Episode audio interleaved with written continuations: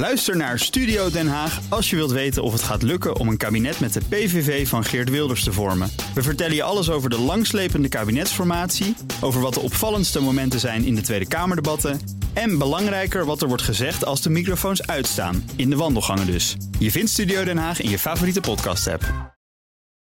Postma in Amerika. Tijd voor het Amerikaanse nieuws door de ogen van onze correspondent in Washington, Jan Postma. Jan, Oekraïne was ook in de Verenigde Staten dagenlang het belangrijkste. Maar toen gebeurde er in eigen land iets heel bijzonders. Rechter Stephen Breyer gaat met pensioen. Ja, en uh, dan uh, kijken de Amerikanen heel graag natuurlijk liever naar zichzelf. En uh, dit is ook belangrijk, want het Hoge Rechtshof... Dat, ja, dat is van zichzelf heel belangrijk. Oordeelt natuurlijk over belangrijke maatschappelijke kwesties... abortus, wapenbezit, dat soort dingen. geen aardverschuiving deze keer. maar toch wordt het vast wel weer verhit in Washington. En dit is ook de eerste kandidaat die Biden mag voordragen. En daarom wil ik even stilstaan bij twee momenten uit het verleden. de eerste is uit 1994, dat is de benoeming van Breyer. Zijn sollicitatiegesprek zeg maar, voor de Senaatscommissie. En dit is het openingswoord van de voorzitter van de commissie. En dan moet je even letten op de stem. Today the Senate Judiciary Committee welcomed Judge Stephen Breyer, the president's nominee to be Associate Justice of the Supreme Court of the United States. Ja, herken je hem, Bernard? Hij is flink wat jonger. Ja. Zou het, Dit is de senator. Ja, zou het, uh, zou het toevallig de president van de Verenigde Staten Precies. zijn? Ja. ja, dit is senator Joe Biden. Ja. Uh, met het beeld erbij, dan, dan denk je van, oh ja, dat is hem. Maar als je hem dan zo hoort, dan klinkt hij wel heel wat jonger. Uh, die opende de hoorzitting en, en Breyer die, die bedankte Biden ook aan het eind van de procedure. Toen hij benoemd was, benoemde hij, of, bedankte hij hem echt heel nadrukkelijk. En het is natuurlijk niet vaak dat een president zo aan het begin en aan het eind van een lid van het Hoge Rechtshof staat. zo zo lang loopt Joe Biden dus al rond ja, in Washington. En Joe Biden had toen nog een stem, ook heel bijzonder. Oké, okay, nou, ja, gaan we nu naar het tweede moment, Jan. Ja, ja, dat is uh, in de laatste democratische primaries. Uh, februari 2020. Biden staat er heel slecht voor. Moet de volgende staat, South Carolina, overtuigend winnen.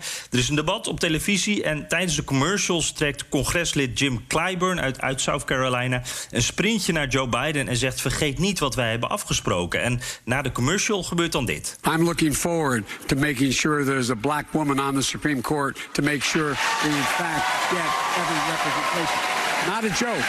Not a joke. I pushed very hard for that. And, my President? mother's motto was she said, You know, you're defined by your courage, you're redeemed by your loyalty. I am loyal, I do what I say. Ja, vooral dat laatste zinnetje is veel herhaald hier, want daar komt hij niet meer onderuit natuurlijk. Uh, Biden die stond nogal onder druk op dat moment. En was uh, daardoor tijdens dat debat even deze afspraak met die Jim Clyburn vergeten. Uh, en die afspraak was dat Biden dit zou zeggen. En in ruil hiervoor gaf Clyburn dan zijn steun aan Biden. En dit was cruciaal, want met die endorsement van Clyburn, een zwart congreslid, zeer invloedrijk in de zwarte gemeenschap in South Carolina, kreeg Biden die zwarte stem in die staat achter hem. Hij won South Carolina. Dit was de ommekeer in de Dus zonder deze belofte om een zwarte vrouw als rechter aan te wijzen, was Joe Biden geen kandidaat en dus ook geen president geworden. Nee, Biden was eerder deze week in opspraak vanwege een scheldpartij. Republikeinen en Democraten haalden daar allebei hun eigen boodschap uit.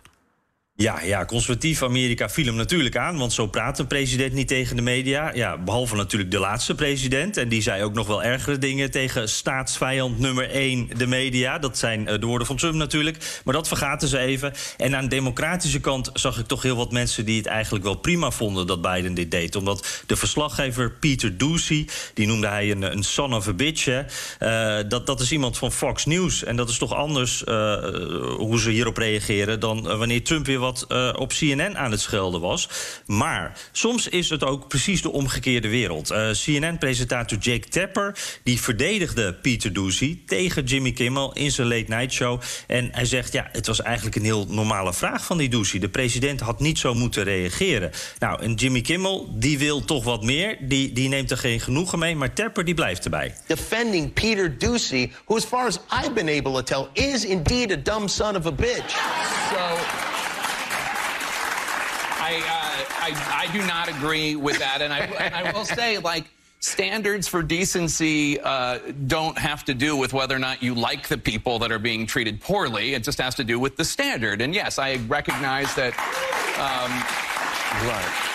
I recognize that uh, Peter's channel probably would never come to my defense like that, but it is what it is.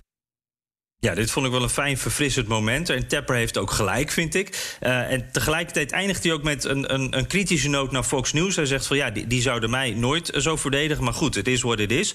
Ondertussen op Fox News, Greg Gutfeld. Dat is de man die voor de komische nood moet zorgen op die zender. En uh, nou ja, Biden wordt daar natuurlijk keihard aangevallen. Maar hier eventjes niet. Deze Gutfeld die verdedigt Biden juist. Maar sneert dan ook, zoals Tepper het al voorspelt, ook eventjes naar CNN. Biden was right. It was a dumb question. Infl- will inflation hurt your chances in the middle? Of course it will. So actually, Biden was correct. It was a dumb question. But that's the best part about Fox News. We aren't CNN. We aren't wetting our shorts and calling this, you know, an attack on democracy or an insurrection. Ja, dus het eindigt even op bekende wijze. Maar Bernard, dit was even de omgekeerde wereld. CNN verdedigt Fox en Fox verdedigt Joe Biden. Ja, wonderen zijn de wereld nog niet uit. Dankjewel Jan Postma, correspondent in Washington. Wilt u meer horen over dat fascinerende land? Luister dan naar de Amerika-podcast van Jan en mij. Bij BNR ben je altijd als eerste op de hoogte van het laatste nieuws. Luister dagelijks live via internet. Bas van Werven. En heel langzaam komt de zon op rond dit tijdstip. Je krijgt inzicht in de dag die komt op BNR, het Binnenhof in Nederland en de rest van de wereld. De Ochtendspits. Voor de beste start van je werkdag. Blijf scherp en mis niets.